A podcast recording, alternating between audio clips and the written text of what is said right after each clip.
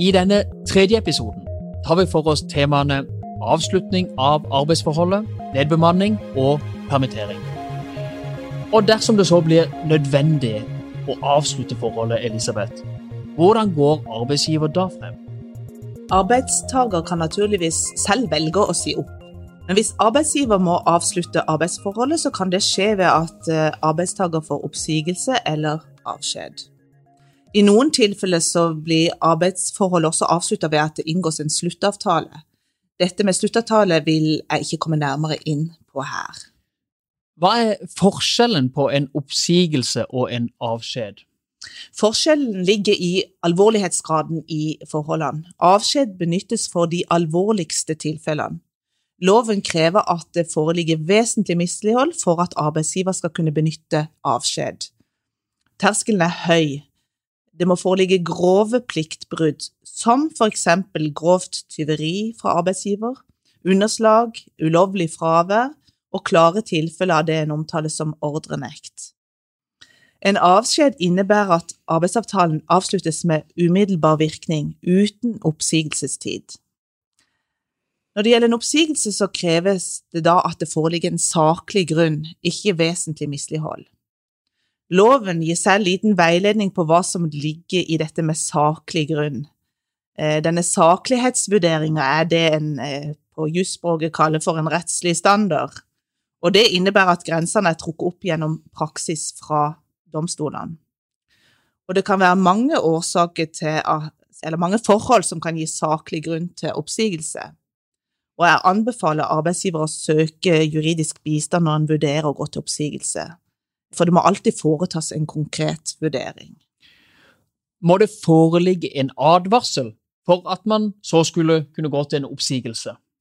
Svaret på det spørsmålet er nei. Eh, er forholdet veldig alvorlig, så trenger en ikke ha gitt en advarsel først. Men i andre tilfeller så vil det være sentralt i det en omtaler som saklighetsvurderinger, om forholdet er tatt opp med arbeidstaker gjennom en advarsel og at arbeidstaker på denne måten er gitt en anledning til å forbedre seg. Og ved oppsigelse så avsluttes ikke arbeidsforholdet umiddelbart, men etter en avtalt oppsigelsestid.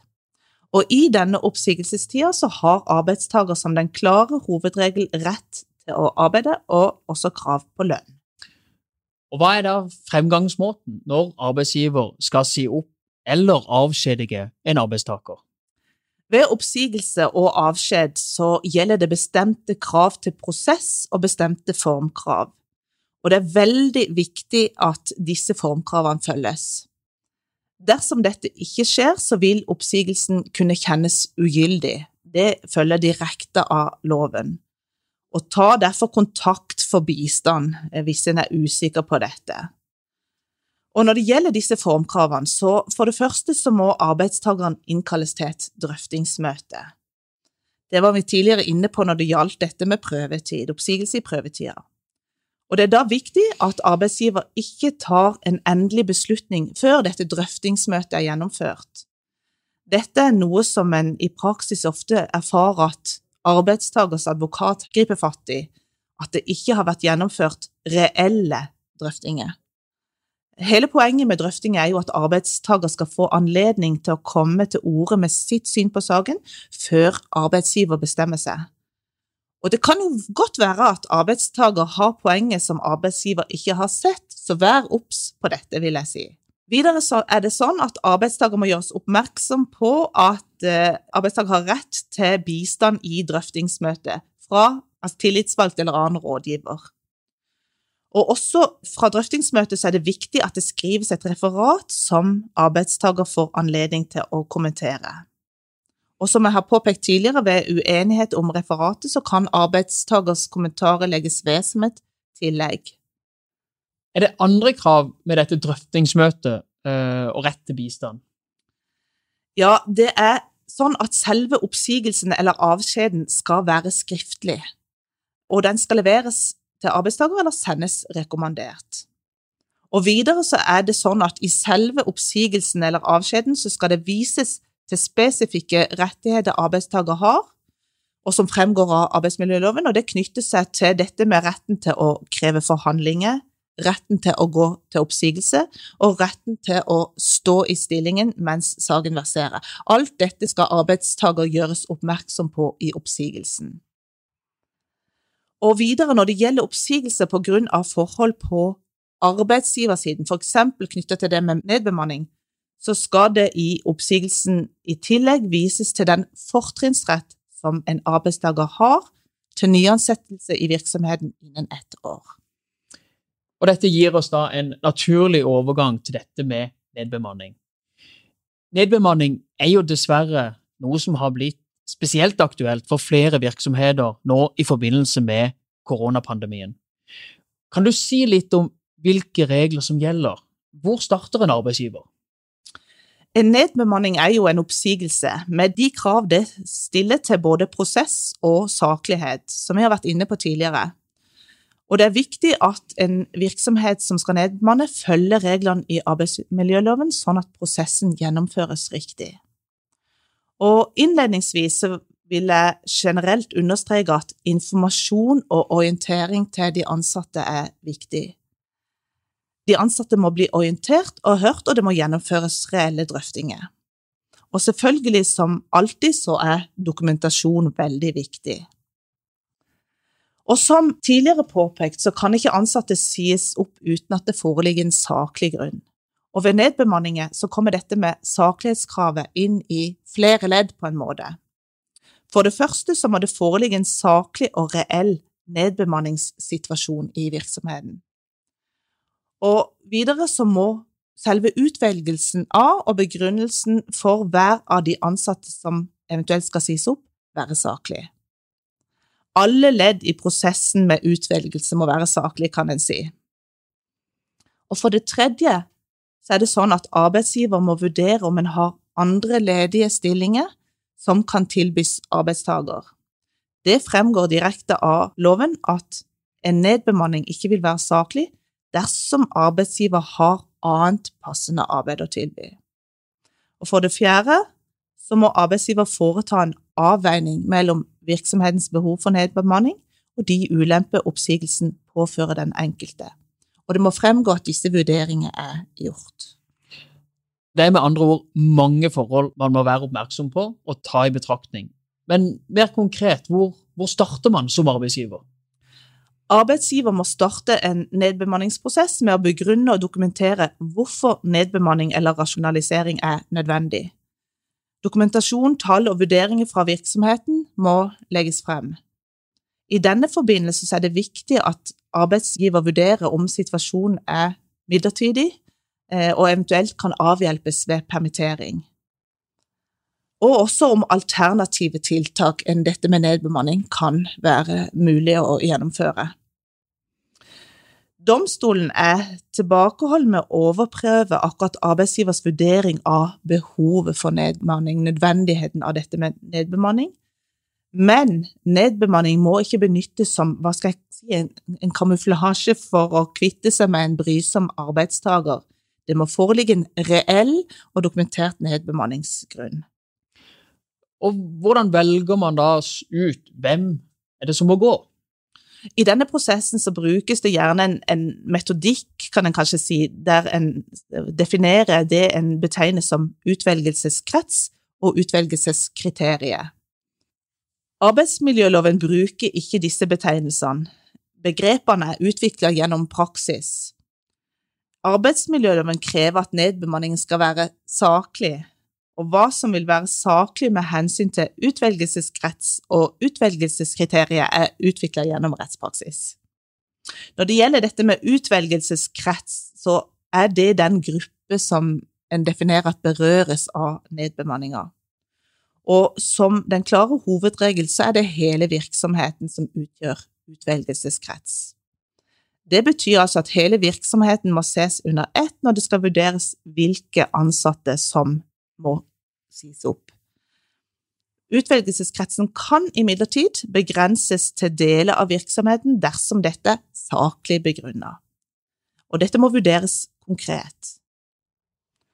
Når det gjelder dette med utvelgelseskriteriet, så er det de kriterier som skal brukes for å velge ut de overtallige som er aktuelle for oppsigelse.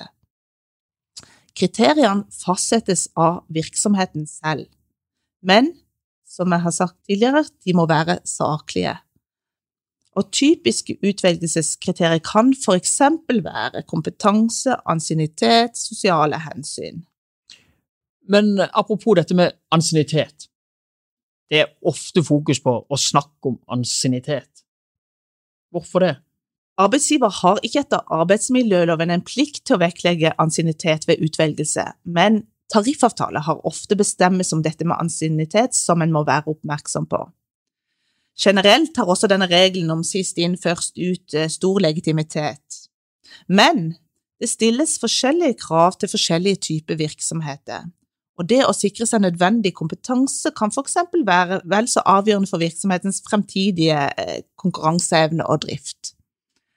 Og når arbeidsgiver tar stilling til hvilke kriterier som er sentrale ved utvelgelse, og hvordan de skal vektes, så tas det utgangspunkt i virksomhetens behov. Hvilke funksjoner, stillinger kan virksomheten klare seg uten, og hvilke er det behov for i den videre eh, drift? Og det kan være en fordel å utarbeide et forslag til før og etter eh, kart over virksomheten. Og hvilke konkrete utvelgelseskriterier kan være aktuelle og saklige? Det kan skilles mellom det en omtaler som objektive kriterier, og det en omtaler som subjektive kriterier. Objektive kriterier er typisk ansiennitet, formell kompetanse, alder f.eks., mens subjektive kriterier kan være anvendelighet, egnethet, og da i betydningen samarbeidsevne og lojalitet, det en kaller realkompetanse, er en type mellomstilling, hvis en kan si det, eh, mellom subjektive og objektive kriterier. Og alt dette er kriterier som ifølge rettspraksis kan være saklige å benytte. Når det gjelder de subjektive kriteriene, så vil det imidlertid kunne være noe mer krevende å dokumentere disse, og det kan, må en være obs på som arbeidsgiver. Og så er det viktig at bedriften tar stilling til vektinga av kriteriene som oppstilles. Hva er viktigst å vektlegge? Og for bedrifter med tariffavtale så er det altså, som jeg har vært så vidt inne på tidligere, viktig å være oppmerksom på hva tariffavtalene sier om dette med utvelgelseskriteriet. Men selve prosessen var viktig, sa du? Ja, og det kan være en fordel å lage en type prosessbeskrivelse. Eh, og det kan også, i og med at det er så mange fallgruver å gå i, være viktig å, å søke bistand før en setter i gang med en sånn prosess. Så til slutt, dette med permittering. Når kan arbeidsgiver bruke reglene om permittering? Permittering er en midlertidig ordning, og ved permittering så blir arbeidstaker midlertidig pålagt arbeidsfritak, mens arbeidsgiver blir midlertidig fritatt sin lønnsplikt. Arbeidsforholdet består imidlertid fortsatt. Og da er det sånn at hvis det er klart, eller det en kaller overveiende sannsynlig, at permitteringa vil bli permanent, så skal oppsigelse benyttes. Eller ikke at permitteringa vil bli permanent, men at, at situasjonen vil bli permanent. Så skal altså oppsigelse benyttes. Og det er ikke bestemmelse om permittering i arbeidsmiljøloven. Reglene er basert på sedvane, som igjen er utvikla ut ifra tariffavtale. Og Hva skal da til for at arbeidsgiver kan permittere? Permittering krever også saklig grunn. Årsaken må knytte seg til forhold ved bedriften, ikke forhold ved den ansatte. Det kan dreie seg om nødvendig kostnadsreduksjon en periode i bedriften pga. f.eks. ordremangel. Det må også foretas en saklig utvelgelse av den eller de som skal permitteres. Og sjekk tariffavtale på, på området. Og hvordan er fremgangsmåten ved permittering? Permittering skal drøftes med tillitsvalgte i bedriften, og videre så må den ansatte varsles. Og Varslingsfristen er som hovedregel 14 dager, men den kan unntaksvis være kortere ved uforutsette hendelser. Og så stilles det også krav til innholdet i varselet som det er viktig at en er oppmerksom på.